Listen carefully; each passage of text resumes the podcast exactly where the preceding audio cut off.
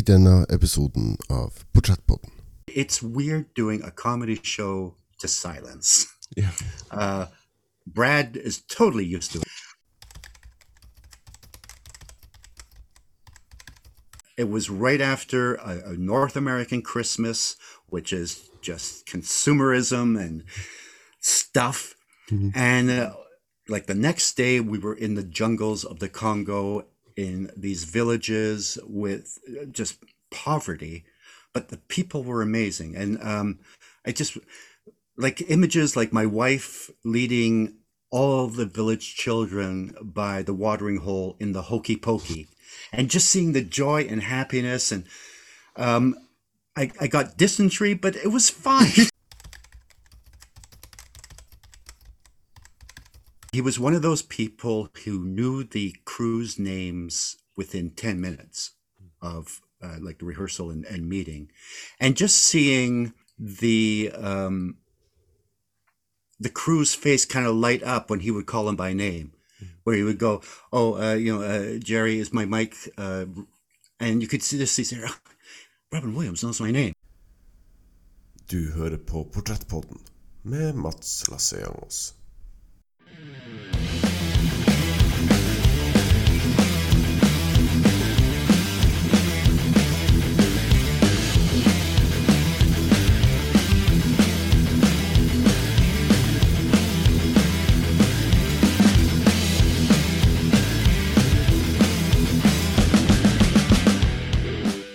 Det stemmer. Du hører på en episode av Portrettpodden.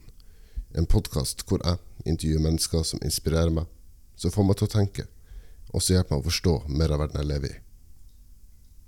Mitt navn er Mats Lasiangos, og sammen med min gjest skal vi være stemmene i hodet ditt den neste timen.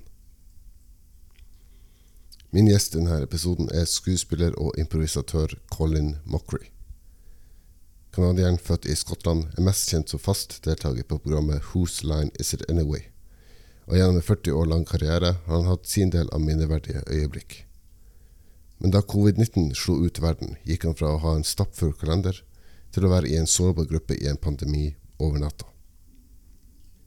I løpet av denne episoden snakker vi om hans inspirasjonskilder, den uventa suksessen med Whose Line, den gangen han fikk leke med avdøde Robin Williams, hvem som hadde vært minst passende til å spille han i en film, og hvorfor akkurat hovedrollen i en actionfilm står øverst på ønskelista. Dette og mye mer i denne episoden av Portrettpodden. Jeg ønsker dere riktig god fornøyelse, og her er Colin Mockery. Colin Mockery. Uh, most, if not all, of my audience will, will of course, know you from uh, Whose Lines Are the Way. Um, and we'll of course uh, get to that uh, during the course of this interview but um, i read somewhere that uh, when you were growing up you you'd rather want to be a marine biologist hmm Yeah, I think it worked out for everyone. Um, I was a um, uh, I was a quiet um, kid. I was very studious.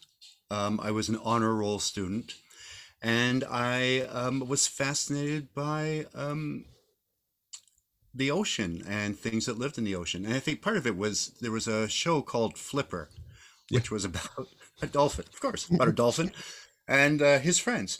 So I think that really inspired me. That was the inspiration behind me wanting to become a marine biologist. And then um, in the second to last year of high school, uh, a friend of mine, because I was so quiet a little shy, uh, dared me to try out for the school play, uh, which I got.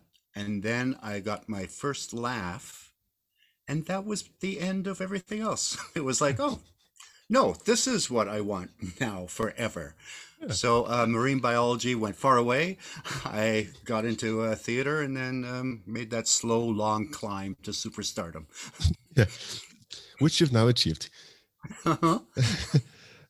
uh, i remember growing up uh, um, watching flipper and the only thing i could think of was how scary it would be to be in the ocean and all the things that that uh, lurk be, uh, beneath the surface and I, I I- i could never never have anything to do with the ocean It is a scary place. Um, I remember I was doing a school tour with a play, and um, It was up in the north part of British Columbia, in a place called the Queen Charlotte Islands. And we had been invited to, this person had an island. And we went over there for lunch. And they said, Oh, I have some ocean kayaks if you want to go out. And I went, Oh, all right. So I was out there paddling. And then about 500 yards away, I could see this pod of killer whales. And I thought, Oh, this is so cool. And then I remembered reading something that from underneath, a kayak looks like a seal, which is um, something killer whales like to snack on. Yeah. so that also, I think, finally cemented, yeah, I'm going to stay on land. A wise decision. Um, well, we, we, we, we all know the the um, the show Who- Whose Line Is It Anyway. We all know you from, uh, well, at least a few of us know you from uh, Drew Carey's Improvaganza and and all the other um, uh, improv shows uh, which you've been a part of. Um, and uh, if I'm not mistaken, you've um, you've uh, been involved with improv theater for uh, roughly 40 years now. Yeah. yeah, when you when you hear it said out loud, it, it, Yeah. it sounds horrific. But Yeah. yeah. my first, I think my first um, improv show was nine, 1980. Yeah, so it's been a little over 40 years. Yeah, yeah, yeah. yeah. We'll just uh, leave it at that. I don't want to uh, Sure. offend my guests. oh um, my god! I was Uh, wondering why I felt so old. Yeah, yeah. now it- it's making sense. well, have to admit though that, that uh, you don't look that old. Well, You you look the same like in the first episode of the British Whose Line. So the only thing that that sets you apart is the uh, the color of your hair, uh, maybe. All right, uh, let's go with that. God bless you. Thank you. You're welcome. No, and I, I mean, I feel quite. Although, um, I was flipping the channel the other day, and there was a Whose Line on, it, and I was doing something. I thought, oh, I can't do that anymore. My body won't bend in that way. I, oh, and that depressed me for a little bit. But um, otherwise, yeah. I, I mean, I've been really fortunate that I can still do this at this advanced age. That was your words, not mine. Uh, but well, yeah, uh, it is the type of show that uh, uh, has this really long uh, uh, longevity, and that it is something that that will go on for a long time. And if I'm not mistaken, you've said in another podcast interview that I listened to that um, you were uh, renewed for another season, but yet you haven't recorded anything since 2019. hmm Yeah. Um, I mean, the best, there's so, so many great things about the show. um, and one of them is it's a very short um, shooting schedule. It's two Mhm. weekends Friday, Saturday, Sunday. Each taping is like four hours. Mhm. And from that, they can get four, they can cut four to five shows. Mhm. So, um, I think earlier when we first started with the CW, we were doing three weekends. we had a bigger budget. so there's a lot of extra shows left from that time. So I think a lot of shows that people will be seeing uh, in the upcoming year will be from shows we may have filmed uh, like four or five years ago that just all these extra bits that they just said, oh, let's just put this together. it really is. I mean, the show amazes me in that um, it's popular. it's you know when I you think of Star Trek when first Star Trek came out, it wasn't uh, it didn't do ve- very well in ratings. Then it got canceled, and then it became this multi, uh, this giant hit. Mhm. Like years after being, and it led to all these movies, and then everybody became rich off of it. Mhm. Our show's not like that. It was never popular. I mean, it was always destroyed in the ratings because we were up against Friends and Survivor, which were popular shows at the time. Yeah. And then, uh, you know, um, we kind of every time we come back, we come back cheaper. So, but and, uh, thank good. I mean, the internet is the reason the last incarnation came. We realized uh, Brad Sherwood, who's on the show, and I, we've been touring for 18 years, and we noticed our audience was actually getting younger, which is which never happens. and it was because of the internet. People who weren't born during the Drew Carey years were catching it online, and it, this groundswell happened, and that's why they brought it back to the CW. Yeah. I, I was literally, I was, I was honestly think that analogy was going to go somewhere very different, but okay. Um, no, I'm waiting for our big budget movies and our spin-offs. It's yeah. just not happening. uh, the, the, Colin Mochrie story with cameos from Drew, Drew Carey.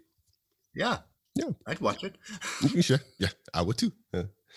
That that makes two of us at least. um, we'll jump a bit uh, uh, uh back and forth uh, in the chronology, of course, but um, uh, going back to to the uh, the beginning. Um, uh, the the uh, quiet kid uh, born in in Scotland, moving to to Canada when you were around 7 mm-hmm. You, you also said in in other interviews you got a lot of uh, um, British uh, comedy shows. Uh, you, you, sort of got that that influence at home. Um, who was your biggest inspirations growing up? Because as you said, you, you didn't have any plans to become a, a comedy actor. Let's say. Yeah. Oh, I think I had a lot of uh, inspiration. I mean, when I think of my childhood, I, I think I feel like I was watching television 24 hours a day. And I know that's not true because I also remember like being outside having fun with my friends.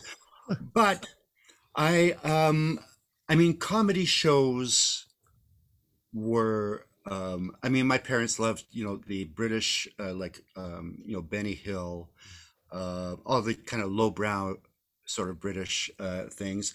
I would watch shows like the Dick Van Dyke Show, Andy Griffith Show, Carol Burnett. Um, Monty Python became a big, uh, John Cleese sort of became a big influence.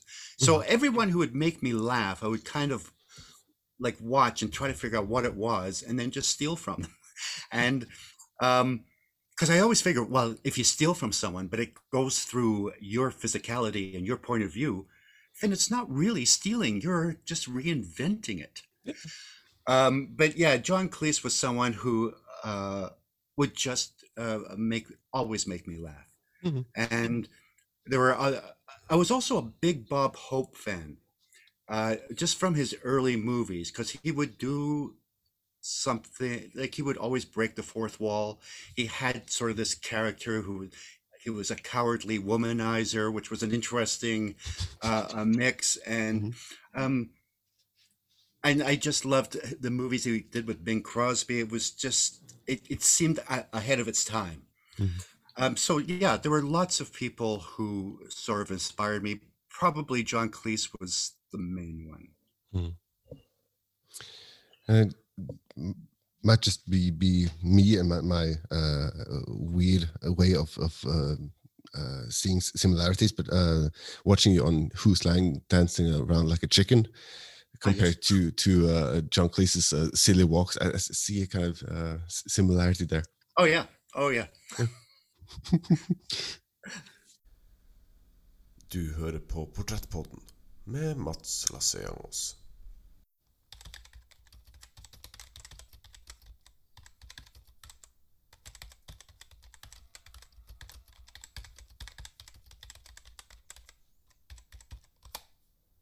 You mentioned uh, uh, your colleague uh, Brad Sherwood. You you've you've taught together, uh, chose together for for 18 years. Um, now that uh, COVID is a thing uh, around the world, um, hmm. how are you coping because you, you did have a lot of projects uh, going on before everything. Yeah, went. it was um, it, it, was borderline insane before uh, the pandemic hit and we were locked down. I was doing the tour with Brad. I was also doing a tour with a hypnotist named mm-hmm. Asad Mecci, and he would hypnotize audience members, and I'd improvise with them. the most terrifying show I've ever been a part of, but it was uh, so much fun. And I was also uh, shooting a movie that I mm-hmm. still have to get back to. And I realized today, oh my God, I'm going to have to lose like 15 pounds, I think. So I look the same. Um, and then I went from that to being in the vulnerable part of a pandemic. Mhm. Um, so everything just kind of stopped, and it was actually kind of good for me because I got rested. I also realized, oh, I if I had to, I could. I think I could retire. I Mhm. mean, it's not. I don't think it'll happen soon because I, I just enjoy performing. But I thought, oh, I'm actually I can relax. And then Brad and I started uh, talking. We realized the past 18 years of our life has been um, airplanes and theaters. Mm. And then we thought, you know what? That might not be the first things to come back from this. No. So, um, our tech team of our um, our booking people and um, the two of us got together and tried to come up with a way of doing our show. And through this incredible technology that I don't understand, um, Brad is in Las Vegas. I'm in Toronto. It looks like we're in the same room. We can go into people's living rooms with them, talk to them, get suggestions, and have them in our scenes. So it's been, and it took us a while to get to that point. And I'd like to just give a shout out to our friends and family who came to our first couple of shows and had to watch what we put them through. We, because we tried to do sort of almost a filmed version of our stage show. And we realized very quickly, thankfully for our friends and family, that um, once you put the show on a screen, everyone's attention span just shrinks. When we're on stage, we do scenes for like 15, 20 minutes. Um, and we can keep the audience, um, you know, sort of involved because we're, we're there and we also sometimes break the wall and, and talk to them. But uh, on the screens, we realize, okay, we have to do make it more of an improvised sketch show where it's still all improvised, but everything has to be fast and short uh, and to the point. We can't meander. So it was it was also really good for us to learn that, I think, and I think it'll really help us when we get back to being on stage, whenever that is. So we've been doing that um, every uh, every week. Uh, we've taken a couple of weeks off. Our next one is uh, May 8th, passportshows.com, if anyone uh, wants to check it out. Mhm. It's um it's been I mean, it's weird doing a comedy show to silence. Yeah. Uh Brad is totally used to it.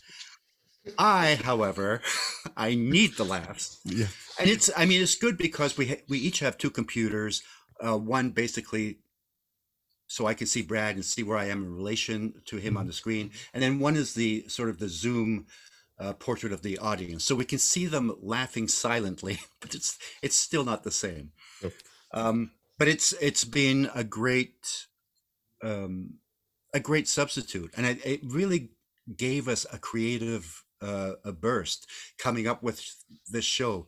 Uh, to, because we have this green screen technology, of course, that we don't have on stage. So we found ways of doing really sort of weird, sort of puppet characters with our heads, but puppet bodies, and find uh, different locations we can do scenes in. So that was really cool. So it'd be interesting to see if we can take this creative outburst we had and uh, move it to the stage when we're finally allowed to go Yeah. places.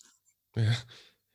And you, um, well, like I said, uh, Brad Sherwood is, is used to not getting laughs. Uh, you have, uh, you yourself has, uh, uh, uh, adopted the moniker of a, of a laugh whore. Oh yeah, Yeah. yeah, shameless. My my wife calls the guy on whose line the other Mhm. because it is nothing like me in real life. I'm I really am. I'm very reserved. Quite. My wife is the life of the party. She's the storyteller. She's a really funny one. But man, on whose line it's just like I I will do literally anything for a laugh. It's embarrassing. and part of me wishes I oh I wish I could kind of almost be that free in real life, Mhm. but it's probably best I'm not. Okay. well, my question is then, uh, how does the, the the laugh whore Colin Mochrie survive uh, doing comedy on a Zoom call? Do, do, do you have to do things differently than on stage or uh, uh, on whose line? or? There is a lot more commitment and confidence Mhm. that you're being funny because there's no one telling you you're not. Mhm. so you just have to go with this is funny. And i'm not yes there's silence but it is a silence that is imposed upon this platform. It's not i'm doing something funny in front of a live audience and there's silence. That's a totally different thing. Mhm. so it, it truly is committed. And i think um, we also brad and i also kind of work at that in a way we're watching each other because we can tell okay brad thought that was funny so that's and he's jaded and uh, corrupt so if he can find it funny i'm sure the audience can too Mhm. so it's a, a- a lot of it is uh, like i guess any improv show is just blind belief that what you're doing is right Yeah. Well, like you uh, alluded to, you you'll uh, you're willing to do uh, anything to to get a laugh uh, on the show, um, and this is sort of uh, at least my interpretation of it is that you have no fear, you have no boundaries, and and you're holding nothing back. Um, uh, you, you almost uh, answered it already, but uh, do uh, are you just as fearless in your personal life? Oh no. No. No. And um because I often try well not often. I, that's just a lie. I never. it's a total lie. But sometimes I, you know people ask me, "Well, how can you do that and yet be this person um off stage?" And I have thought about it a little. I don't like to get too cerebral because that could destroy everything. But I think it is when I'm on stage, um, I'm with people that I trust and know. I know what I'm doing. So in this world, it's the most confident I am because I know I, I'm in charge. I'm wor- working with people I trust and know have my back. and I know we can work together, and I know the audience will like it. Mhm. Although that changes from time to time. Uh, but in real life, I don't have any of those. Uh, I don't have that. It's uh, uh, no. I'm in this world that I haven't made, and that there's all these rules and people that have their own things that aren't about just making goofy faces. So it's a, a, a little uh, a more difficult. Yeah. Although my wife and I, about ten years ago, I just realized everything. It's almost like everything I'm telling you is a lie. no. About 10 years ago, we decided we were going to use the rules of improv in our lives. Mhm. So the main rule is saying yes. You you say uh, it's the rule of yes and. You say yes and then you build on that. So we made this decision. You know what? Why don't we say yes to more things that may be a little outside of our comfort zone and um, see where that takes us? And almost immediately after we made that choice, we got a call from a, an organization called World Vision that we'd done some work with. And they said, We'd like you to go to the Congo. We went, Oh, uh, certainly not one of our vacation destinations. No. But we had just made this declaration. So we said yes. And it actually ended up being one of the most amazing trips we ever had. We, um, it was right after a, a North American Christmas, which is just consumerism and stuff. Mhm. And uh, like the next day, we were in the jungles of the Congo in these villages with uh, just poverty, but the people were amazing. And um, I just like images like my wife leading all the village children by the watering hole in the hokey pokey. And just seeing the joy and happiness and um, I, I got dysentery but it was fine. I mean it ended up it was it was truly one of the most amazing trips we ever had. And um and and since then we've i mean within reason. It's not like hey you want to jump out of a plane? No i'm not an idiot. But things i go well i just i'm not sure. We go yes and it's a hundred percent of the time it's ended up being this amazing event where we've met amazing people and we've learned something about ourselves and so that's good Mm. yeah That was uh, also go- going to be one of my questions, but uh, good that you already answered it. Uh, Oh, my plan is to answer all your questions that lead to other questions. yes, and then just lie. yeah. Yeah. Oh, lying has been my friend for years. yes. well, the, the, the good thing is, uh, most of my audience and, and myself included don't don't know you personally, so you could just lie and tell me that it's the truth, That's and right. I'll believe you. I, c- yeah, geez, I gotta do that more. Yeah.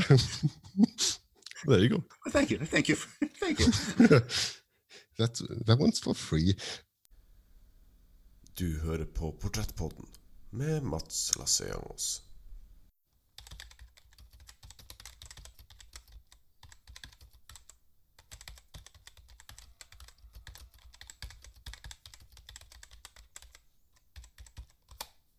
You look at the whole uh, history of of uh, of Whose Line uh, as a whole, you you've uh, been lucky to work with a lot of uh, interesting uh, people like uh, Tony Slattery and and uh, Richard Simmons and David Hasselhoff and uh, and and and Robin Williams, uh, not necessarily in that order. Um, to to to use uh, the late Robin Williams as uh, as an example, um, is there anything you you learned from from working with him that you didn't know Oh. beforehand? Um, he, uh, yeah. Um, he was amazing, and of course, he was an inspiration to all of us on the show. I mean, he was one of the first people I recall seeing on television improvising. Mhm. Um, there was another guy, Jonathan Winters, who was sort of a generation before him, and actually ended up on Robin's um, show playing his child.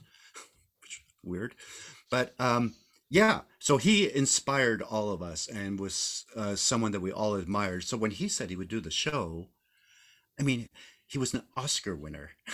he was uh, at the time he was actually filming uh, up in Canada, and he flew down to do the show.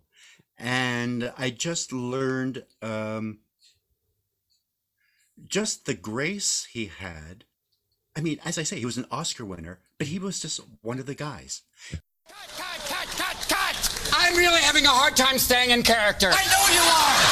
You don't have to tell me! I see better character development on the match game. Let's try to concentrate and work hard! Last night you didn't say that. And he was one of those people who knew the crew's names within 10 minutes of uh, like the rehearsal and, and meeting. And just seeing the um, the crew's face kind of light up when he would call him by name, where he would go, "Oh, uh, you know, uh, Jerry is my mic," uh, and you could see this. See, Robin Williams knows my name, and that was a good reminder of, you know, we're in front of the camera, so obviously we're going to get a lot of attention. But uh, if we did it without sound, say, that would be a difficult show. uh, if all of a sudden the cameramans turned uh, turned off their thing, uh, it really is a, a group project, and everyone who's involved in the making of Whose Line, from the people who are shooting it to the people in the offices who are um, doing the schedules of everyone, working on um, coming up with ideas to uh, to give us. It was just a good reminder of how great it is to make someone um, appreciated. And it's like, yes, you're you're a part of this. We're all working on this together. Um, and he, as I say, he was incredibly graceful. He uh, he he sweated a lot. he he went through three shirts, and um, the last shirt some woman in the audience at the back shouted, "Give me your shirt! Give me your shirt!" And he took it off and he threw it, and all you heard was this splat as it hit her, which I laughed at. But um, yeah, that that was definitely one of the highlights I think of all of our careers to be able to work with him uh, close up and just see that genius at work and just you know be a part of it was amazing. So if um, uh, hypothetically, it will. We, we know it won't happen because uh, Whose Line uh, has been renewed for an, an, another season. But if it were to to end tomorrow, um, would that be one of the the uh, fondest memories you take with you? Um, I well, yeah, I think so. I mean, there's so many, um, so many great memories from that show. Like, obviously, Robin was one. When Sid Caesar was on, who was a uh, again an idol of mine, a man who was part of a show that did 90 minutes live every week, and with writers like Neil Simon, Woody Allen, Mel Brooks, uh, a lot of the most influential comedy writers. Um, of the last uh, you know 50 years so uh, having him on and at one point i i said something funny he turned and nodded to me and i thought oh i i can just die now. Because that uh, no that was okay uh, i'm done. I really should have just hung up the uh, floral printed shirt at that point and moved away. But uh, i mean and also just the um the friends on the show like you know uh well, uh, Ryan, I knew before Whose Line. We we grew up together, uh, but you know, and Brad and Greg and Wayne and Chip Esten, uh, everyone who's been on that show are like really good friends now, and we've had a lot of. Um, we've gone on various iterations of tours with each other. Um, it's so that I think that's the strongest the strongest memory and also just the, how it changed all of our lives, how it gave us a chance to be able to do this thing that we love uh, through touring or on uh, on television. I, I, I mean I remember like the first season of Whose Line when it was popular. it was really pop. It came on as a summer season, and there's not they don't put new stuff on uh, television in the summer. But it was it just became this immense hit because it was like nothing that had ever been on television. Uh, Drew was a part of it, who was incredibly um, hot at that point. Um, and then we started um, the fall season, and they had us right after the uh, Drew Carey show, which again very popular. Again, we did great, and then someone realized, hey, this show is really cheap. Uh, let's put it up against the powerhouse shows, and they'll lose, um, you know, they'll lose viewers, but it won't cost us anything. I was like, yeah, thanks, guys. But it, um, it was just, it was a, like a weird Hollywood thing. It, when um, who's the American Whose Line started, I was, uh, I was 42, 42. So at that point, I was, I was, um, okay. What I mean, whatever happens, happens. I've, I've been through many projects like this will be the thing, and it never happened. And I thought, you know, this is fun. I'll enjoy it while it lasts. And it was really easy not to get up on the Hollywood thing yeah. because, well, first of all, they have this thing called the upfronts where if all the new shows sort of get together and, and there's interviews and it's just people and publicists just walking everywhere. And I saw Dan Patterson, the creator of Whose Line, and it was before um, we had our big interview a couple of hours later. So I went up to say hi. His publicist or his mind or whoever was with him kind of stood between us, turned her back to me, and said to him, Is this guy important? and I thought, you know, at, at, least make a show of lowering your voice. Yeah. I, I can. And for me, that was great because I thought, oh, yeah, this is the part the showbiz that I don't like, and it's the part that you can't get caught up in because you are the not important guy now. You could be the important guy tomorrow, but the day after you're back to being the non-important guy. So just just take it as it is, enjoy, and uh, hope it works out. Yeah.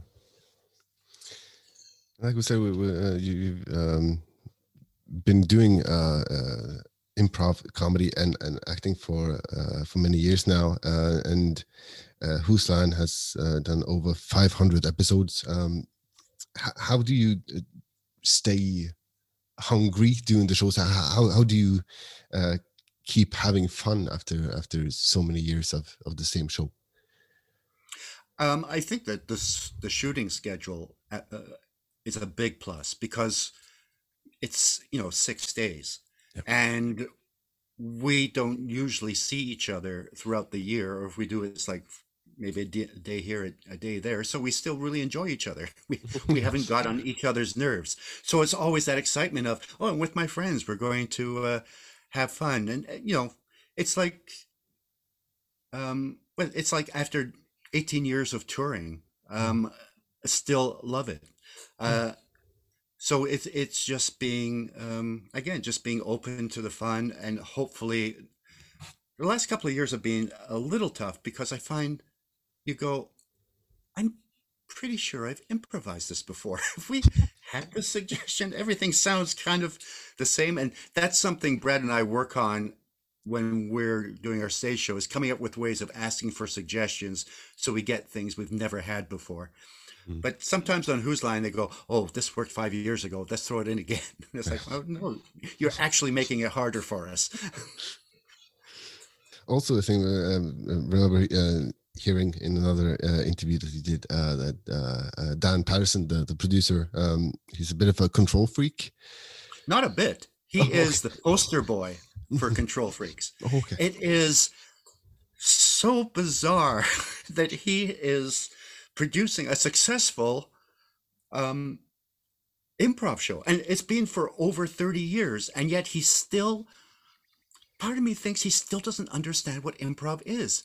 Like he'll come up and go, you know, when we gave you that suggestion, we thought you were going to do that. I said, Dan, we're making it up. Yeah. You've seen the show. You you know we're making it up. We, but he still he he really doesn't um, he still doesn't get it. God bless him. I mean, his genius always was in the editing of the show because as he's watching it, he's cutting it into different shows.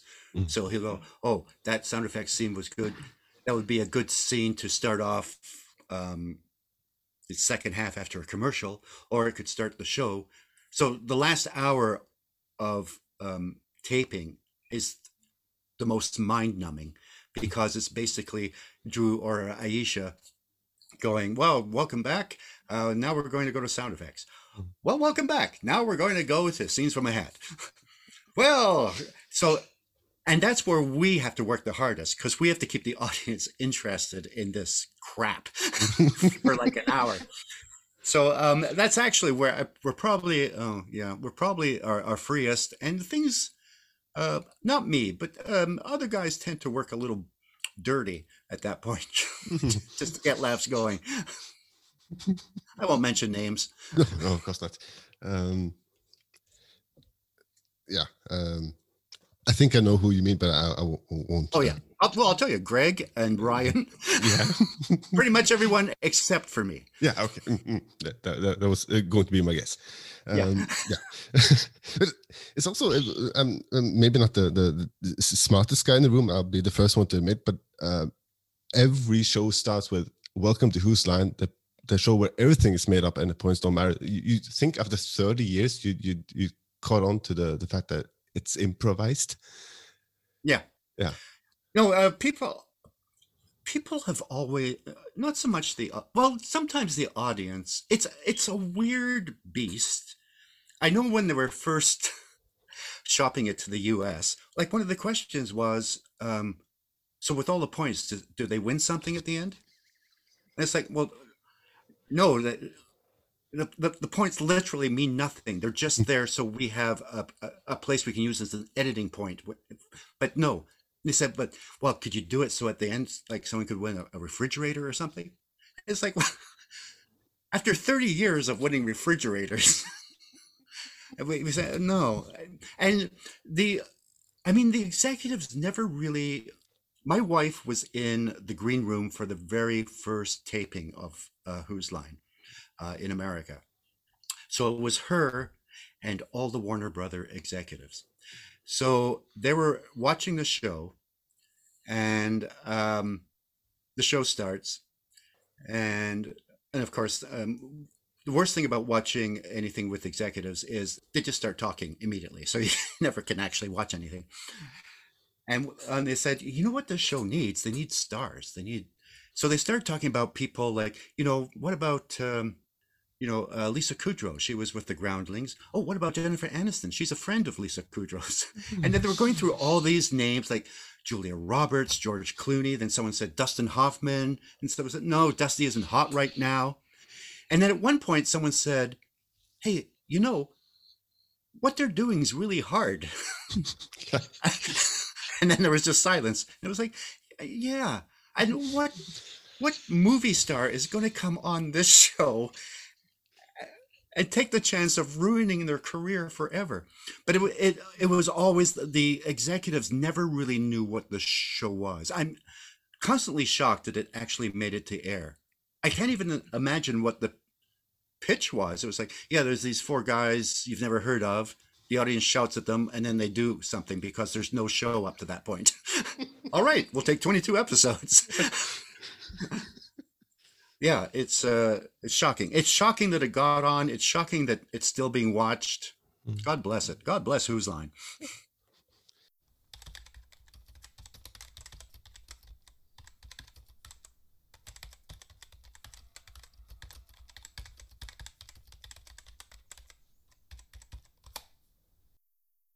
It's also uh, well, if you go down the the, the, the Whose Line rabbit hole, you, you might end up uh, watching a, an episode you, you watched before. But I, I feel it is, is even more funny to watch the ones that's being censored.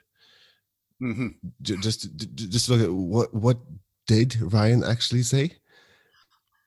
Yeah, what I've I mean that was when we did the show in Britain. There was no censorship. You could do anything. You could you know uh, well, I was about to say something that was truly horrible, but I won't, involving the Queen.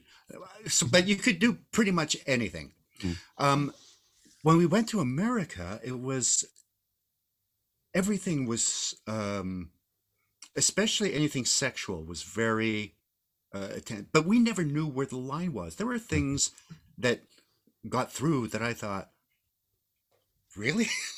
and then there was one hoedown where Ryan was singing and they bleeped out him saying the word hand. And when you're watching it, your mind immediately goes to a thousand times worse. And that's what I found weird. The things that they did bleep um, were usually inoffensive, and your mind would go somewhere much worse or darker. And they never seemed to um, figure that out. Hmm. Hmm. Oh well, we, we don't have censorship here in Norway either, so this is uh, a lot funnier uh, to to watch stuff because you get away with a lot more. But yeah. oh well. Um, I think it's good, and uh, I mean, it was good for us. I think in uh, Britain because even though we had that freedom, I don't think we abused it. No. You know, because we still realized, you know, we want to show that you know people can watch and families can watch. Mm-hmm. We were doing a we were doing a show in Britain, an improv show in Britain, but it was on uh, American television. So the American censor came over, mm-hmm. and they said, "There's really only three things you have to remember: no swearing. I mean, you can say you can have one dick an episode. All right. Uh, number two, if you're playing an old person, you can't shake. Uh, okay. Mm-hmm. And third, if you're playing a prostitute, you have to be what was the word? you have to be more coquettish than slutty. I was like, all right. So my 85 year old prostitute is going to be going to have some problems. Especially when she when she gets rheumatism. exactly. Switching up a bit. Uh, uh, doing improv is, is always like you said the the golden rule of a yes and and and and not um having a script for for the censors to go through for example um mm-hmm. everything's improvised um, and for example you you, you and, and, and brad sherwood have, have a show and the audience is jam-packed but you have nothing planned do, yeah. do you ever go like oh f, f word we we we sold sold out sixty thousand tickets, and and we have nothing planned. Yeah, I mean there is that for me, it usually happens like um, just a minute before we go on, Mhm. where you go, "Oh, listen to that audience. Oh yeah, we don't have a show." and then um, the minute you walk out, there's just this calm, and you go, "Yep, okay, I know what's going to happen now. We're just going to have fun," and it works out. The only time I kind of stayed nervous was in the show with the hypnotist Mhm. uh, because we couldn't rehearse it. No. So the first show we did was the first sh- show we did, Mhm. and uh, it was at the Edinburgh Festival, and uh, because of the way the stage was, there was really no backstage. So before they let the audience in, I had to go into this little alcove covered by a um, a curtain, and and stand there while the audience filled in, and then the show started. And I I don't know why I didn't ask this from the beginning, uh, but I went up to uh, the hypnotist and said, Asad, if I ask the um, audience member to do this, uh, like, will they do it? And he said, I don't know. And I went, what? And he said, well, it depends on the subject. Some, yeah, most probably will. Some may, but may have a, they're almost like they're stoned. So their reaction is going to be a little slow. I went, oh, it was like places. And so I was standing there behind the curtain, listening to the excited audience come in to see this new show. I thought, I, what, what have we done? I am going to be improvising with five people who are hypnotized, who I've never met. And I don't know if they're going to actually do the stuff I asked them to do. And so it was terrifying for about the first uh, month. Mhm. And then it became, um, then I realized my fear was I'm the one that has to do everything. But then I learned quickly I don't. I can actually, these people are pure improvisers. They react to everything I say to them. So all their reactions, so I can play off that. And we've had some amazing improvisers who are just this woman. Um, and I talked to them afterwards to see what their experience was. And all of them say, Oh, yeah, we remember, I remember everything. It's just everything you said just sounded like a great idea. Hmm. And there was this woman who was like our star of the night. And I was talking to her afterwards. She said, I have no idea why I went up. I suffer from incredible social anxiety, and I've never felt that way before in my life. And she had decided from that moment, I'm going to take improv classes. I'm uh, this. This was amazing. I want this feeling again. So it was like, oh, all right. So it's not just walking like a chicken. It, we actually made a difference to this woman's life. And it was it was sort of interesting how we all have an improviser in there. It's just um it's not what we're used to in our lives. We're not used to listening to people, to accepting ideas, to making the other person look good. So if the world could just improvise, Yeah. it would be a happier place. Mhm. If more people could just go yes and Yes. Yes. yes, except for Donald Trump, he should do a lot less yes. and. Oh, he's certainly no but. Ah, anyway, we won't uh, uh, ruin the, the the fun we're having with. Uh, No, no, no. no. Um, my my my f- f- f- favorite uh, uh, uh, games in in uh, Whose Line is is where the audience gets involved, like sound effects, for example, or or the the the, the times when you get the feeling as an audience member this could go really badly, really quickly, because you have this uh, um, uh, element of uncertainty. Um, do you, have you ever gotten uh, to the point where you, you're about to start the game and you have this gut feeling that uh, this is this is not going to work. This is going to suck. Oh, sure. Uh, every every game. Oh, Uh, I mean, what what's great is, I mean, the audience uh, brings in a totally different element. You know, when you're working with the other improvisers, everybody kind of we know what we're we're doing and how to work with each other and how to give and take. With an audience member, um, and you always think, okay, this this is really simple. All I'm saying is, you have to give a sound effect when I set up something. But then there's people, and I think part of it is there's that shock of all of a sudden they're the focus. So they're not really listening. But we've had people just throw in sound effects, and just constantly, as though they th- it's some sort of opera where it's just once we have to go, no, no, just when we need it. Um, and I had to constantly do it until, until finally we walked up to the person and stood in front of them. Only I'll point to you, and that's when you do it. So it adds that, and I think those are the moments where, because there's still a lot uh, of people who don't believe improv is is real. I always, because when um, at Brad and my show, we always say how many people you know believe at Whose Line we, you know, got advance information that it was all written, and there's usually about twenty five to thirty percent of the audience raise their hands. my first thing is, why are you here? and so it's uh, then it's our job to prove that what we're doing is improvised. And people, there have been times I've seen posts. Oh, you can see them looking at the uh, cue cards in this scene. it's like, oh yeah. My thing always is transcribe the scene you just saw. Look at that and try to make sense of it. It makes no sense. You could not use this as a sketch because it's just it's so of the moment. It's these improvisers, it's the suggestion. But if you tried to make this into some sketch or part of a movie, it truly makes no sense. It just jumps all over the place. And so uh, that's what I love about audience members. It just adds that extra bit of chaos where you go, no, they can't, this can't not be, a, be written. Otherwise, we're the most amazing actors in the world, and we're not.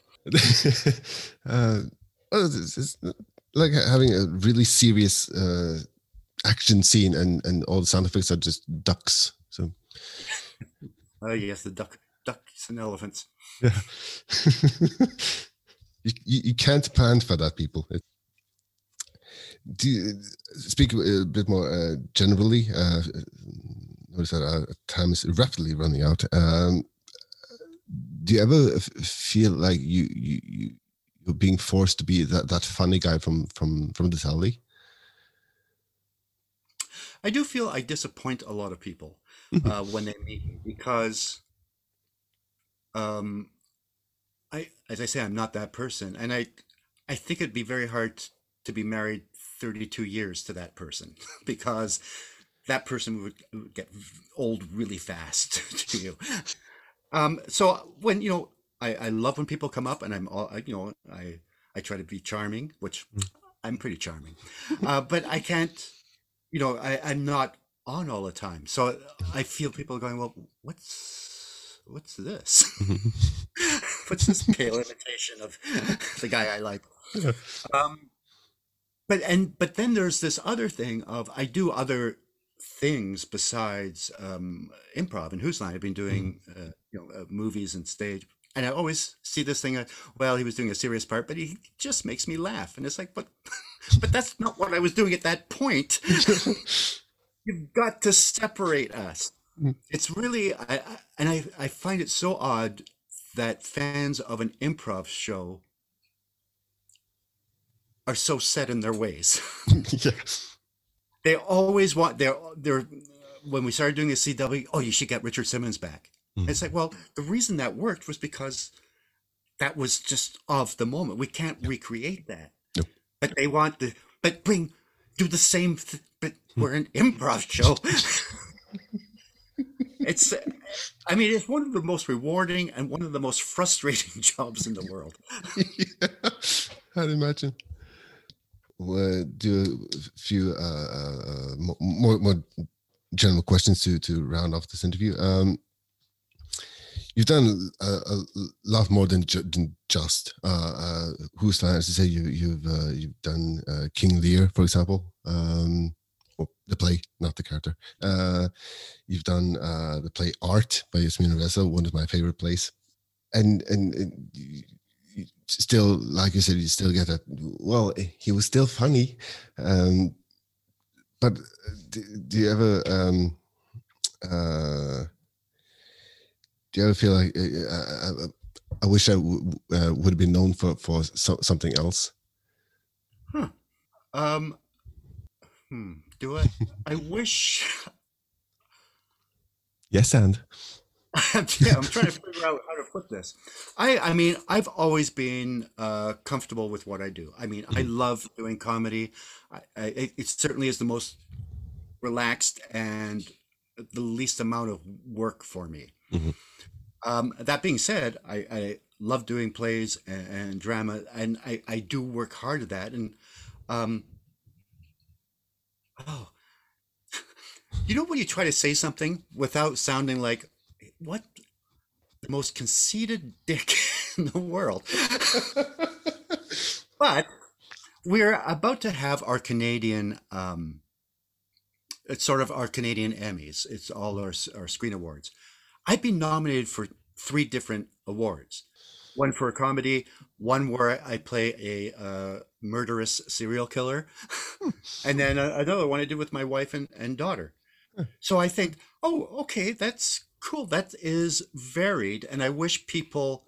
I, I don't want people to fall over themselves and think I'm the greatest thing, you know, since sliced cheese. But I would like people to be more receptive to.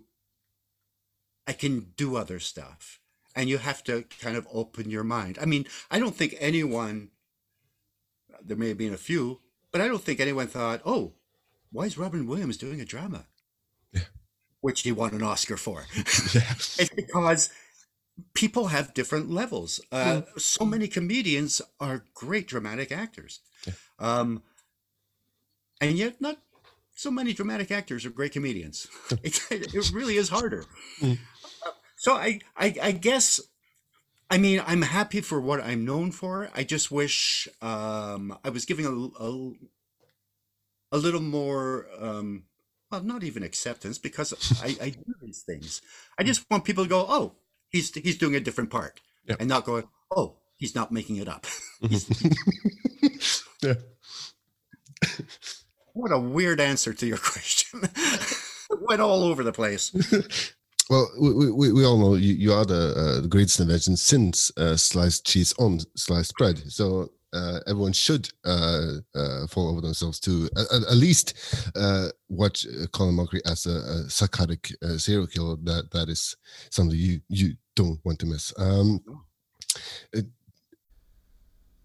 Du hører på Portrettpodden med Mats Lasseangos.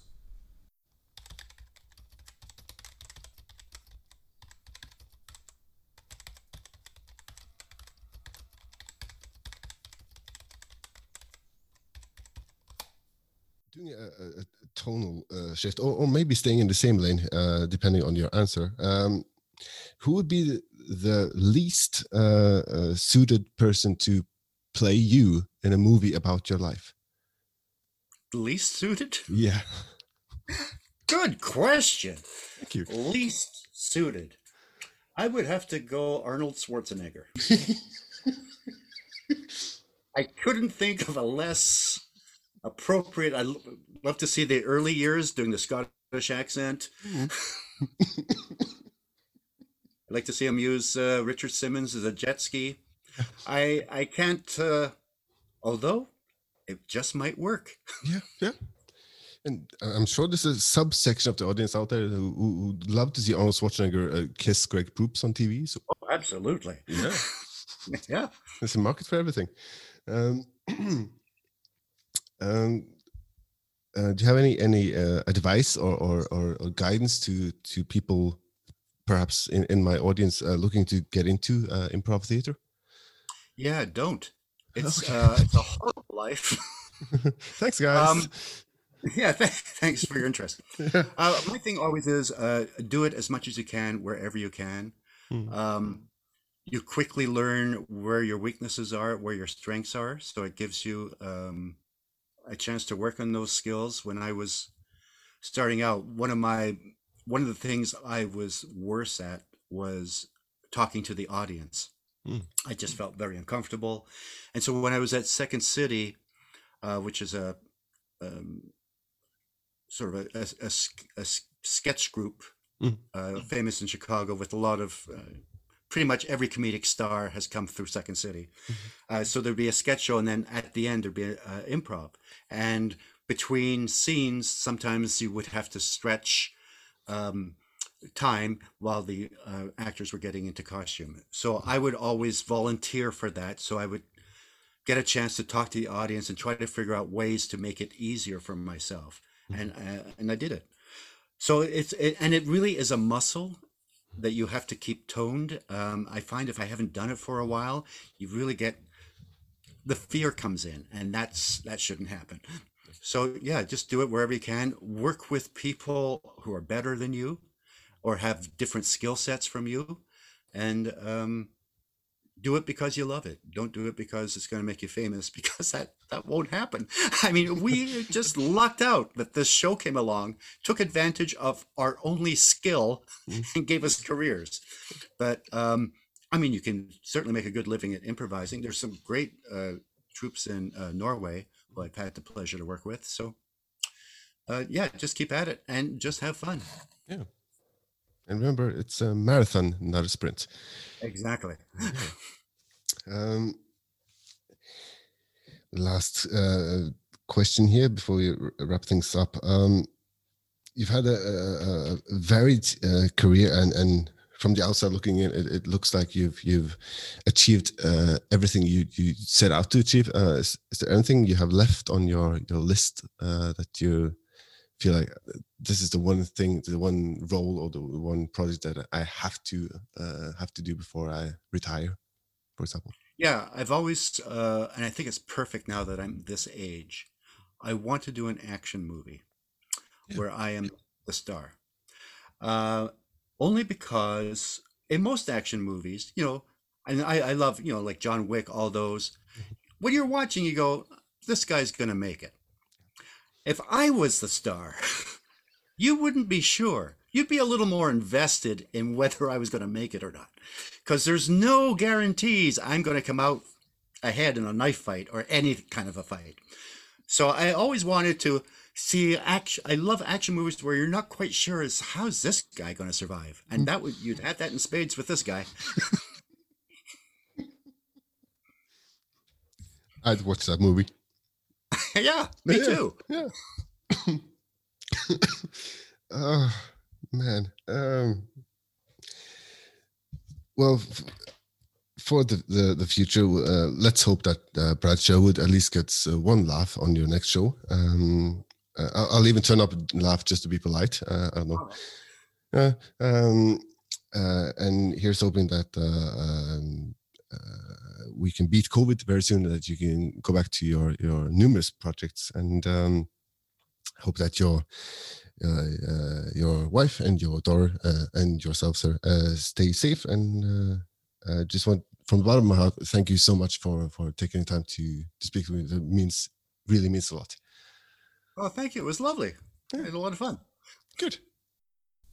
Du har hørt på en episode av Portrettpodden. En podkast med meg, Mats Lasse Jangås. Og min gjest i denne episoden var skuespiller og improvisatør Colin Mockery. Har du gjort deg noen tanker mens du har hørt denne episoden? Har du ris eller ros eller tips som skulle komme, eller har du spørsmål, kan du ta kontakt med Portrettpodden på Facebook eller portrettpodden at gmail.com. Mye takk til Colin Mockery for at han tok seg tid til å være gjest i denne episoden. Takk for at du hørte på, og vi høres snart igjen.